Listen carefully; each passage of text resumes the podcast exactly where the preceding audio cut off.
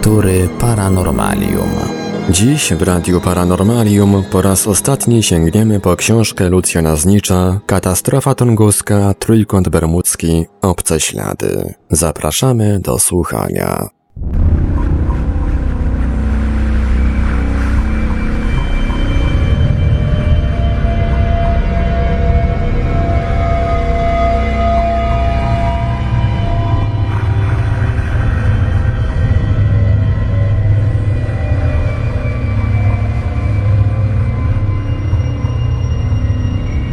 Powrót do Sokratesa. Już 200 lat temu Johann Wolfgang von Goethe, dziś powszechnie znany niemal wyłącznie jako poeta i pisarz, który w istocie jednak był, jak na owe czasy, także wcale nie najgorszym przyrodoznawcą, mówiąc właśnie o roli nauki, sformułował takie oto znamienne zalecenie. Zbadać, co jest do zbadania, a to, czego się nie da zbadać, spokojnie szanować. A więc już wówczas wiadomo było, że nie wszystko da się zbadać i że tego, co w danym momencie pozostaje poza możliwościami badawczymi, nie można zbyt pochopnie ani wyśmiewać, ani lekceważyć, ani ignorować, co jednak znaczy spokojnie szanować. Czyżby ten sam człowiek, który w literaturze reprezentował okres burzy i naporu, szturm und drang, równocześnie nauce, w obawie, że na niektórych problemach gotowa sobie nieszczęśliwie połamać zęby, radził dyskretne omijanie pewnych grząskich regionów i niebezpiecznych faktów? Niemal dwa wieki po śmierci Goethego trudno już dziś to rozstrzygnąć. O ile jednak nie tylko Goethe atakował przekonanie o wszechpotędze wiedzy, o tyle również zbytnie asekurantstwo nauki raz po raz spotykało się z surową krytyką. Strzeżmy się mniemać, że w naturze istnieją dwa rodzaje faktów: fakty naukowe i nienaukowe, że tylko pierwsze godne są badania, inne zaś heretyckie, wyklęte, zasługujące na obojętność i lekceważenie. Pisał na ten temat francuski filozof Boira. Fakt sam przez się nigdy nie jest naukowy, jest tylko realny, naturalny, albo nie ma go wcale. Koniec cytatu. Trzeba przyznać, że niektóre obiekty istotnie warte rzetelnego zbadania często pozostają poza polem obserwacji naukowców, a szczególnie tych, których zainteresowania dawno już ustabilizowały się. Mówi również aktualnie na ten temat, komentując zresztą znalezisko salzburskie, mineralog radziecki Awiński. Jest zrozumiałe, że badacze zajęci pracą nad jakimś poważnym naukowym tematem uważają, iż szkoda tracić czas na jakieś tam zagadki, osobliwości. Nie oznacza to jednak wcale, że nie należy się nimi w ogóle zajmować. Należy. Entuzjaści niejednokrotnie już to udowodnili. Niech o zagadkach tych pomyślą młodzi uczeni, pamiętając, że za niezgodnością z uznanym prawem, za dzisiejszą osobliwością czekać może badaczy nowe, rewelacyjne odkrycie. Koniec cytatu. Ze satysfakcją trzeba powiedzieć, że w takim ujęciu historia w Dalabuszkach przestaje być żenującą pomyłką, a staje się niemal powodem do chluby. Żaden z polskich naukowców nie cofnął się przed ryzykiem zbadania niestanej osobliwości, a ta wewnętrzna gotowość do zaangażowania się w przyrodę i odwaga udziału w tak postponowanej z reguły przez oficjalne dyscypliny naukowe imprezie świadczy o braku skostnienia i duchowej młodości polskiej nauki. Nie jest to zresztą, przyznajmy lojalnie, wyłącznie specyfika nauki polskiej. Prawdziwy okres burzy i naporu, który przeżywamy obecnie także w nauce, w dużym stopniu przewietrzył również odwieczny panteon skamieniałych autorytetów. Jeszcze w latach 50. Wspomina profesor Alan McGowan z Naukowego Instytutu Informacji Publicznej USA, udział w publicznych dyskusjach mógł przekreślić karierę naukowca. A dziś Otwarte dyskusje między naukowcami przestały już być czymś szokującym. Kontynuują temat amerykańscy dziennikarze Gwain, Malamat, Hager i Bergley na łamach Newsweeka z 28 kwietnia 1979 roku. W ciągu ostatnich pięciu lat eksperci stoczyli wiele bojów w takich kwestiach jak potencjalne niebezpieczeństwa inżynierii genetycznej, wpływ odrzutowców ponaddźwiękowych i aerozoli w atmosferze oraz rakotwórczy wpływ wszelkich produktów, od sacharyny po ognioodporne dziecinne piżamki. Koniec cytatu.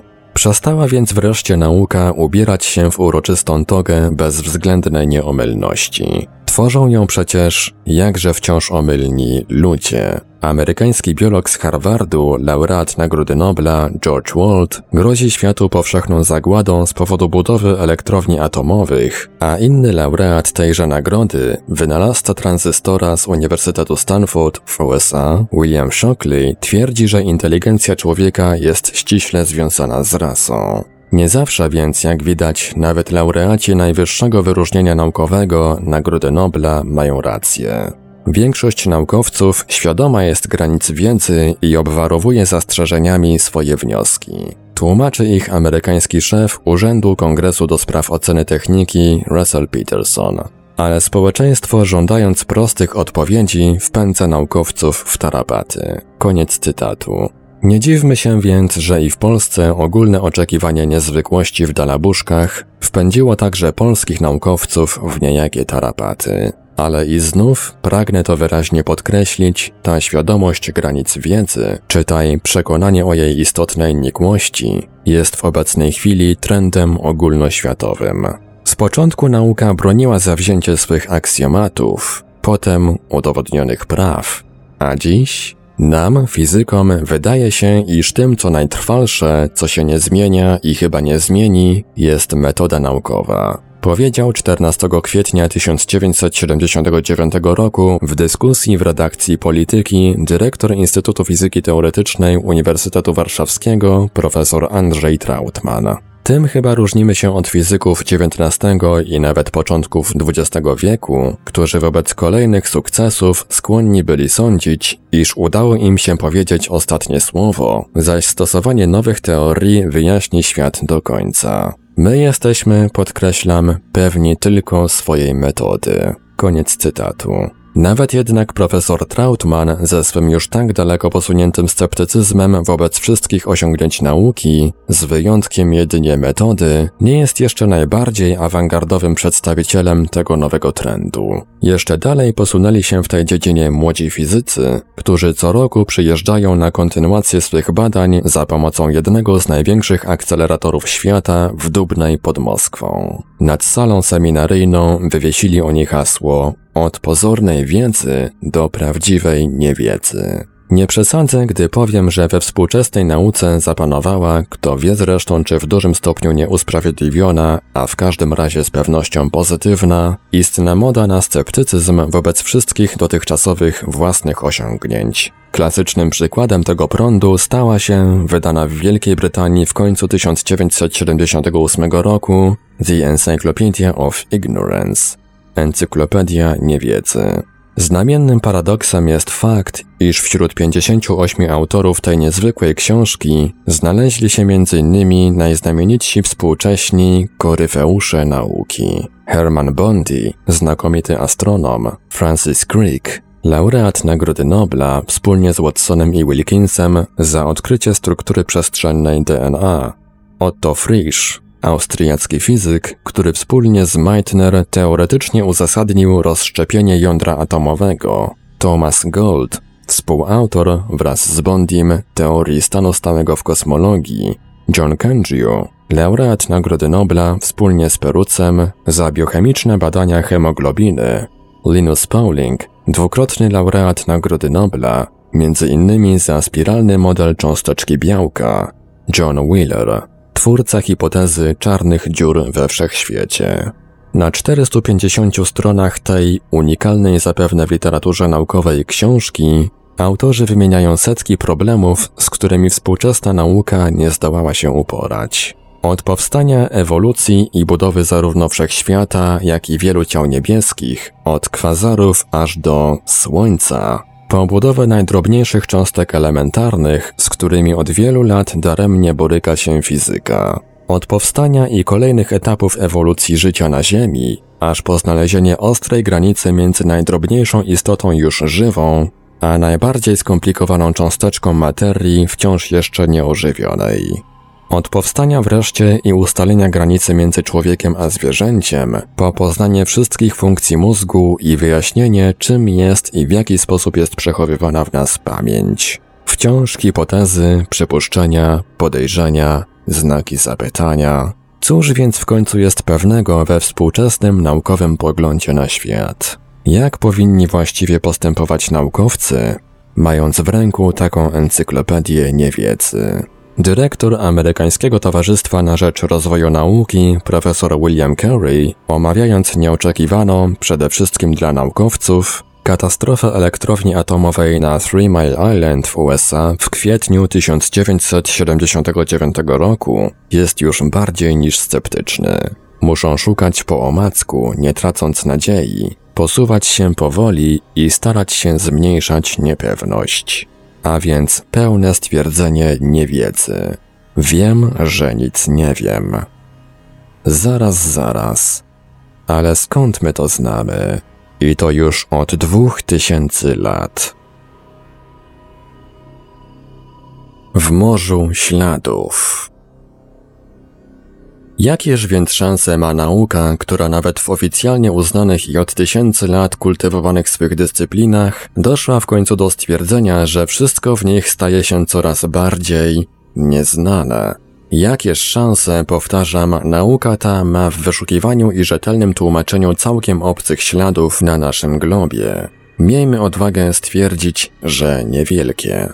Tym mniejsza, że na dobrą sprawę wszystko, cokolwiek nas otacza, cały nasz świat, poczynając od atomów aż po galaktyki, to tylko jedno olbrzymie muzeum śladów. Nie ma wszak żadnego działania, żadnego najprostszego bodaj ruchu, który nie pozostawiłby po sobie śladu. A czymże jest istnienie wszechświata, jeśli nie ciągłym dzianiem się, nieustanną wibracją i ruchem? Dlatego też w poszukiwaniu dyscypliny najbardziej powołanej do wyszukiwania i tłumaczenia wszystkich tych śladów nie oglądajmy się na trazeologię. Ta skromna gałąź kryminalistyki ma równie skromny zakres działania.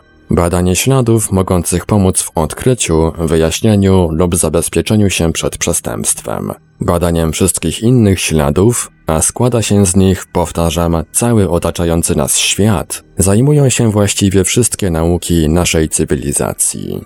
Jeszcze jeden to powód, by tym bardziej sceptycznie zapatrywać się na szansę wyodrębnienia i wyjaśnienia wśród tych wszystkich śladów, obchodzących nas śladów obcych. Bo spójrzmy tylko, jakie otacza nas bogactwo różnorakich śladów, jaka niesamowita różnorodność w trwałości, czasie powstania, wielkości, zakresie, zasobie informacji. Wybuch bomby atomowej nad Hiroshimą trwał zaledwie ułamek sekundy, a kiedy przestaną nas straszyć jego ślady? Prawda, gdy zwiedzałem miasto 30 lat później, żyło ono już swym normalnym życiem. Wydawało się, że wszystkie rany po potwornym wybuchu zostały już zaleczone, a ślady wymazane. Wystarczyło jednak zajrzeć do Muzeum Bomby w Parku Pokoju, by przekonać się, że ślady tego ułamka sekundy pozostaną na wieczność. Poskręcane w wymyślne węzły żelazne szyny kolejowe, zamienione w niekształtne szklane sople butelki po sakę, a przede wszystkim najbardziej chyba wstrząsające, zamknięte pod przeźroczystą płytą plexiglasu, kamienne schody do jakiegoś budynku z białym cieniem skręconego wybuchem człowieka. Człowiek ów wyparował w ciągu sekundy, jednak cień jego ciała, które w momencie wybuchu osłoniło schody, pozostanie równie trwały jak ich kamienne płyty. A obok tych śladów trwających przez wieki, ileż z nich należy do zjawisk tak krótkotrwałych, że nawet nie zdążymy ich często w ogóle zarejestrować. Zamarzająca już w ciągu godzin bez śladu droga wodna za lodołamaczem, opadająca w ciągu minut chmura pyłu za samochodem, gasnący w ciągu sekund ślad meteorytów w atmosferze. Nieograniczona jest wręcz skala śladów, jeśli chodzi o czas ich powstania. Jedne z nich, jak echo w górach, mówią o zjawiskach sprzed paru sekund, inne, choćby album rodzinny, o zdarzeniach całego naszego życia lub nawet kilku pokoleń. Archeologia znajduje ślady już sprzed tysięcy lat, paleontologia sprzed milionów, geologia sprzed miliardów. A czymże ograniczona jest wielkość zjawisk, które pozostawiają po sobie ślady? Tylko dzięki śladom przecież udało się fizykom odkryć najmniejsze cząstki elementarne materii, których w żaden sposób nigdy nie potrafimy ujrzeć. Naukowca zajmującego się badaniem budowy materii można porównać z myśliwym, tropicielem śladów, posuwającym się po zwierzęcych tropach. Mówi o tym obrazowo radziecki fizyk Kazaczkowski. Samego zwierzęcia on nie widzi, ale dzięki pozostawionym przez niego śladom ocenia, którędy zwierzę przeszło i jakie było jego zachowanie. Jeśli zwierzę spotkało się z drugim zwierzęciem, to doświadczony myśliwy na podstawie ich śladów może odtworzyć dokładny obraz tego spotkania, szczegóły walki, jeśli miała ona miejsce i jej końcowy wynik. Dokładnie w ten sam sposób naukowiec-eksperymentator wprawdzie nie widzi samej mikrocząsteczki, ale po pozostawionych przez nią w materii śladach z wielkim prawdopodobieństwem określa jej parametry i właściwości. Bo przecież każda z cząsteczek pozostawia ślady tylko dla niej charakterystyczne. I jeśli na przykład nastąpiło zderzenie dwóch mikrocząstek, naukowiec potrafi ocenić rezultat ich wzajemnego działania, stwierdzić zanik cząsteczek pierwotnych i znaleźć ślady cząstek nowo powstałych. Koniec cytatu. I tak jak w świecie cząstek najmniejszych, tak również tylko dzięki śladom udało się astronomom odkryć największe, zarówno w czasie jak i przestrzeni, zdarzenie naszego świata. Bowiem właśnie dzięki wykrytemu zaledwie w roku 1965 promieniowaniu pierwotnemu potrafiliśmy dotrzeć do tak zwanego wielkiego wybuchu, Big Bang, który przed 13, a może nawet, jak się już ostatnio przypuszcza, 20 miliardami lat zapoczątkował rozwój całego współcześnie znanego nam wszechświata. Także zakres wykrywalności, a co za tym idzie i informacji uzyskiwanych dzięki badaniom śladów, nieustannie wzrasta. Z jednej strony docieramy do coraz to nowych śladów pozostawianych od tysiącleci przez przyrodę i od tysiącleci czekających na odczytanie. Są to ślady odległych epok wykrywane na dnie sztolni sięgających wielu kilometrów pod ziemią, ślady nieznanych zwierząt żyjących na dnach oceanów, ślady atmosfery ziemskiej sprzed milionów lat w odwiertach lodowców na Antarktydzie, czy wreszcie bogactwo śladów meteorytów na powierzchni Księżyca.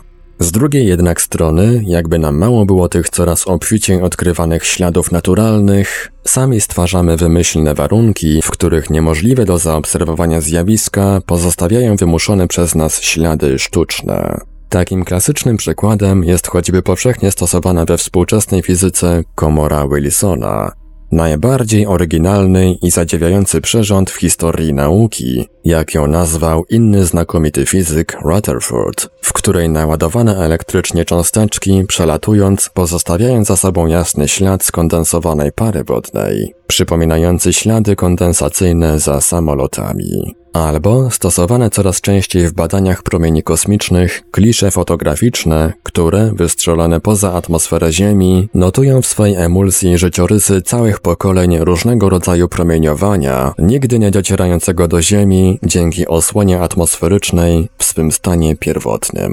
I zakres ten wciąż jeszcze rośnie. Po obrazach, których ślady nauczyliśmy się przechowywać na fotografiach i filmach, zbieramy już ślady zjawisk tak ulotnych jak dźwięk na płytach, taśmach, specjalnych diagramach, a ostatnio trudne do przewidzenia perspektywy wszechstronnego uwieczniania śladów różnych zjawisk otwarła jeszcze holografia. Trzeba wyraźnie powiedzieć, że gdy w niektórych dyscyplinach naukowych ślady odgrywają rolę bardzo poważnego instrumentu badawczego, są również i takie nauki, gdzie stanowią one zgoła wyłączny przedmiot badania. Cóż osiągnęłaby chociaż archeologia, gdyby nie dysponowała śladami? I nie chodzi tu tylko o same wykopaliska i znajdywane w nich narzędzia. Ileż dodatkowych informacji dostarcza ich kształt i sposób wykonania, materiał, a nawet ślady z użycia. Ślady obróbki, mówi na ten temat radziecki archeolog dr Siemienow, mówią za pomocą jakich przyrządów i w jaki sposób przedmiot został wykonany. Ślady z użycia natomiast pozwalają ustalić nie tylko do jakich prac dane narzędzie służyło, ale także kryją informacje o osobliwościach budowy rąk ludzi pierwotnych, o ukształtowaniu palców, o przyzwyczajeniach i sposobach pracy. Koniec cytatu. Podobnie ma się rzecz także z paleontologią. Miarą wagi, jaką w nauce tej przekłada się do badania śladów, może być chociażby otwarcie przed paru laty w gmachu Instytutu Geologii i Geochemii Kopalin Energetycznych w Lwowie specjalnego Muzeum Bioglifów, z greckiego bios – życie i glyfe – ryd, czyli kopalnych śladów pozostawionych przez istoty żywe. Odciśnięte w skamieniałej w ciągu milionów lat glebie przedziwne wzory wiejących się, pełzających, drepczących i skaczących stworów, jeszcze bardziej chyba egzotycznych wobec dzisiejszej fauny ziemskiej niż potencjalni kosmici wobec przedstawicieli ludzkości, wzbogacają i tak już trudne do zinwentaryzowania muzeum eksponatów wszystkich zachodzących w świecie procesów. Jakież mamy szanse, jeszcze raz przyjdzie mi spytać, wśród tego nieprzebranego w swej różnorodności bogactwa śladów, odkryć te, które nas interesują. Te, których nikomu nie możemy przypisać i do których nikt się nie chce przyznać. Ślady, które nie mają nic wspólnego z rozwojem na naszym globie przyrody nieożywionej i ożywionej. Ślady, które możemy, ba, musimy uznać za obce. Alicji Kraina Czarów. Przyznam się, że nie wiem, czy jest ktoś, kto na to pytanie potrafi zadowalająco odpowiedzieć, bo obecna sytuacja doprawdy nie bardzo temu sprzyja. Szukanie jakichś niezwykłych śladów obcych? A czy zdolni jesteśmy rozpoznać i rozszyfrować wszystkie ślady własne? I cóż z tego, że właściwie cała nasza cywilizacja zaczęła się od szukania śladów. To prawda, Badanie tropów zwierząt, które mogły zapewnić pierwotnym myśliwym żywność, narzędzie, broń i odzież, a więc najbardziej prymitywne, ale i najbardziej nieodzowne podstawy życia ludzkości, były z pewnością pierwszą umiejętnością człowieka na Ziemi. Od tego czasu jednak minęło może pół miliona, może milion, może nawet półtora miliona lat, i dziś opamiętaliśmy się, zatopieni w takim morzu śladów, zarówno rozwoju geologicznego całej planety, jak i cywilizacyjnego ludzkości, że nie potrafimy ich nie tylko wyjaśnić i wytłumaczyć, ale nawet jakoś jednolicie sklasyfikować. Gdy w roku 1896 Antoine-Henri Becquerel znalazł na położonej przypadkowo na kawałku materiału zamkniętej w kasecie kliszy fotograficznej czarny ślad, który stał się dowodem istnienia nieznanego dotychczas promieniowania, ślady można było zaklasyfikować do szczęśliwych trafów wiodących do olbrzymich odkryć. W medycynie jednak, jak wiemy, codzienne, rutynowe badanie śladów, od temperatury ciała poprzez analizę zawartości różnych substancji we wszystkich płynach ustrojowych, aż po badania bakteriologiczne wydalanych produktów przemiany materii, nie prowadzi już do epokowych odkryć, tylko służy jako wskaźnik symptomów nadchodzącej bądź mijającej choroby. Inne gałęzie nauki traktują ślady, choćby na przykład promieniotwórczego węgla C14, jako cenny instrument instrument badawczy dla ustalenia dat wykopalisk. Są również dziedziny od embriologii aż po paleobotanikę, w których znalezione przez nie odpowiednio zmumifikowane lub nawet spetryfikowane ślady stają się dokumentacją ich osiągnięć. A w jeszcze innych dziedzinach, jak choćby w archeologii, paleontologii czy geologii, ślady stały się podstawowym, często nawet jedynym przedmiotem badania. Inna rzecz, że i sama istota śladów niezbyt sprzyja jednolitemu ich traktowaniu. Spotykamy się przecież z nimi we wszystkich możliwych do wyobrażenia postaciach i we wszystkich otaczających nas ośrodkach, zarówno w gazach powietrza, jak i w litym kamieniu, w wartko płynących wodach rzek, jak i w zastygłej lawie wulkanicznej, wreszcie w ciele żywych istot, poczynając od bakterii, Choćby odporność na antybiotyki, będąca właśnie śladem ich wzajemnego zetknięcia się, aż po najwyżej zorganizowane rośliny i zwierzęta, w ciele których wykrywamy właśnie innymi ślady działania bakterii. A w końcu i nasze osobiste życie wypełniają one bez reszty, poczynając od śladów tak materialnych, jak widoczne na całe życie blizny pooperacyjne czy powypadkowe, a kończąc na śladach tak ulotnych i niematerialnych, jak odruchy warunkowe, przyzwyczajenia czy nawet zwykła pamięć, którą, nawiasem mówiąc, Platon i Arystoteles przedstawiali jako ślad, jaki doznanie zostawia na woskowej tabliczce duszy. Dlatego też pierwszym i podstawowym warunkiem umożliwiającym wychnięcie na powierzchnię tego morza śladów i złapanie dłuższego oddechu, który pozwoliłby nie tylko na ich wyczerpującą rejestrację, ale także na uzyskanie i wykorzystanie zawartych w nich niewyczerpanych informacji, byłoby przekształcenie i rozwinięcie skromnej odrośli kryminalistyki, trazeologii w potężną interdyscyplinarną gałąź wiedzy. Tak pojęta trazeologia musiałaby rozpocząć badania przede wszystkim od klasyfikacji wszystkich śladów. Aby pozostawić jakikolwiek ślad, trzeba wydatkować energię. Wysuwa na ten temat bardzo interesującą koncepcję radziecki trazeolog, kandydat nauk wojennych Karakozow. Energię taką wydatkuje zarówno cząsteczka przebijająca się przez komorę Wilsona, jak i statek pozostawiający za sobą kilwater na wodzie, człowiek odciskający ślad stopy na piasku, jak i bodziec nerwowy pozostawiający w naszym mózgu wspomnienie. Dlatego też uniwersalnym wyróżnikiem przy klasyfikacji wszystkich śladów może stać się właśnie ich źródło energetyczne. Opierając się na tej energetycznej podstawie, wszystkie ślady moglibyśmy podzielić na grawitacyjne, elektromagnetyczne, jądrowe, mechaniczne, chemiczne, elektryczne, akustyczne, magnetyczne itd. Koniec cytatu. Inną cechą charakterystyczną wszystkich śladów jest ich stopniowy zanik. Możemy śmiało ustalić zależność, że wyrazistość śladu, a więc i suma zawartych w nim informacji, jest odwrotnie proporcjonalna do jego wieku.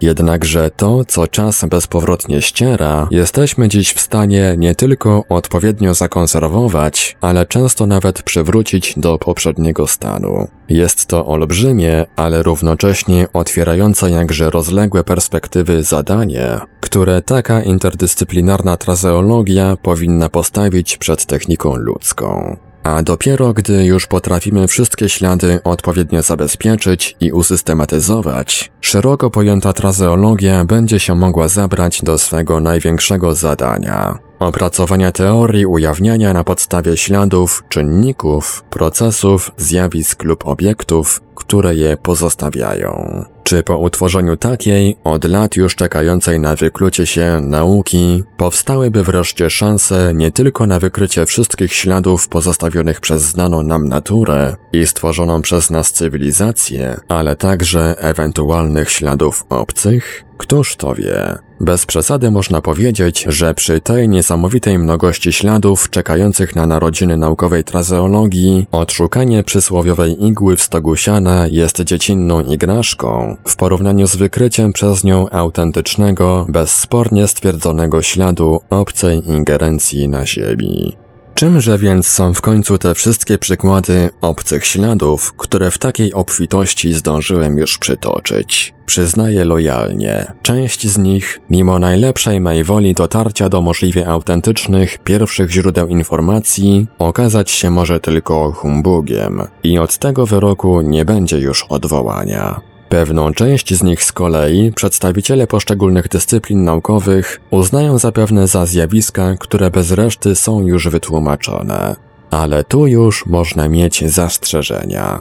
Bo co to znaczy bez reszty wytłumaczone? Krąży wieść, że radziecki biolog profesor Władimir Aleksandrow, gdy podczas swych wykładów dochodził do omawiania zjawisk na pozór zupełnie jasnych, przezornie zastrzegał się, ponieważ proces ten wydaje nam się obecnie całkowicie zrozumiały, świadczy to, iż nie został on dostatecznie zbadany. A wreszcie istnieje z pewnością i taka część przytoczonych przypadków, których, nie ma co tu ukrywać, nie da się ani sprowadzić do oszustwa, ani w jakikolwiek sposób wytłumaczyć które przy obecnym stanie wiedzy pozostaje nam tylko, że użyję wyrażenia Goethego spokojnie szanować. Tak więc miejmy odwagę przyznać się, że dla poszukiwania nieznanych obiektów nie potrzebujemy bez przerwy zadzierać głowy w niebo. Niemal każdy przedmiot, z którym stykamy się na Ziemi, to wciąż jeszcze nieznany obiekt, tyle że nie zawsze latający. Przesada? No to zajrzyjcie proszę choćby do Beczek z kapustą w dalabuszkach. A więc to, co postulowałem na samym wstępie tej części tomu, by zapalić wreszcie światło i przerwać ten rozgrywający się wokół nas kosmiczny thriller, okazało się w końcu tylko niespełnialnym marzeniem? W pewnym sensie tak. Dziś jeszcze wciąż nie potrafimy odnaleźć kontaktu, po włączeniu którego cały otaczający nas świat znalazłby się nagle w pełnym świetle. Zresztą nie jestem pewien, czy w ogóle kiedykolwiek do takiego kontaktu dotrzemy, a nawet czy w ogóle taki kontakt istnieje. Więc już do końca naszych dni ma trwać bez przerwy ten nieustanny dreszczowiec? Tak by wynikało. Tylko czy to jest rzeczywiście dreszczowiec? A jeśli już nawet pozostaniemy przy tej nazwie, to czy dreszcze ogarniają nas ze strachu, czy z podniecenia? Bo świat przemienia się w istną Alicji krainę czarów. Staje się znów pełen zaskakujących niespodzianek, wciąż niewyjaśnionych zagadek i czekających na odkrycie i rozwiązanie tajemnic. Intrygujący, podniecający i przez to właśnie jakże ponętny i piękny. Bydgoszcz 1979 rok. W Radiu Paranormalium zaprezentowaliśmy ostatni fragment książki Lucjana Znicza Katastrofa tunguska, Trójkąt Bermudzki, Obce Ślady. Po jaką książkę sięgniemy w kolejnym odcinku, tego dowiecie się Państwo już za tydzień. Archiwalne odcinki Lektur Paranormalium znajdziesz do pobrania w archiwum naszego radia na stronie www.paranormalium.pl.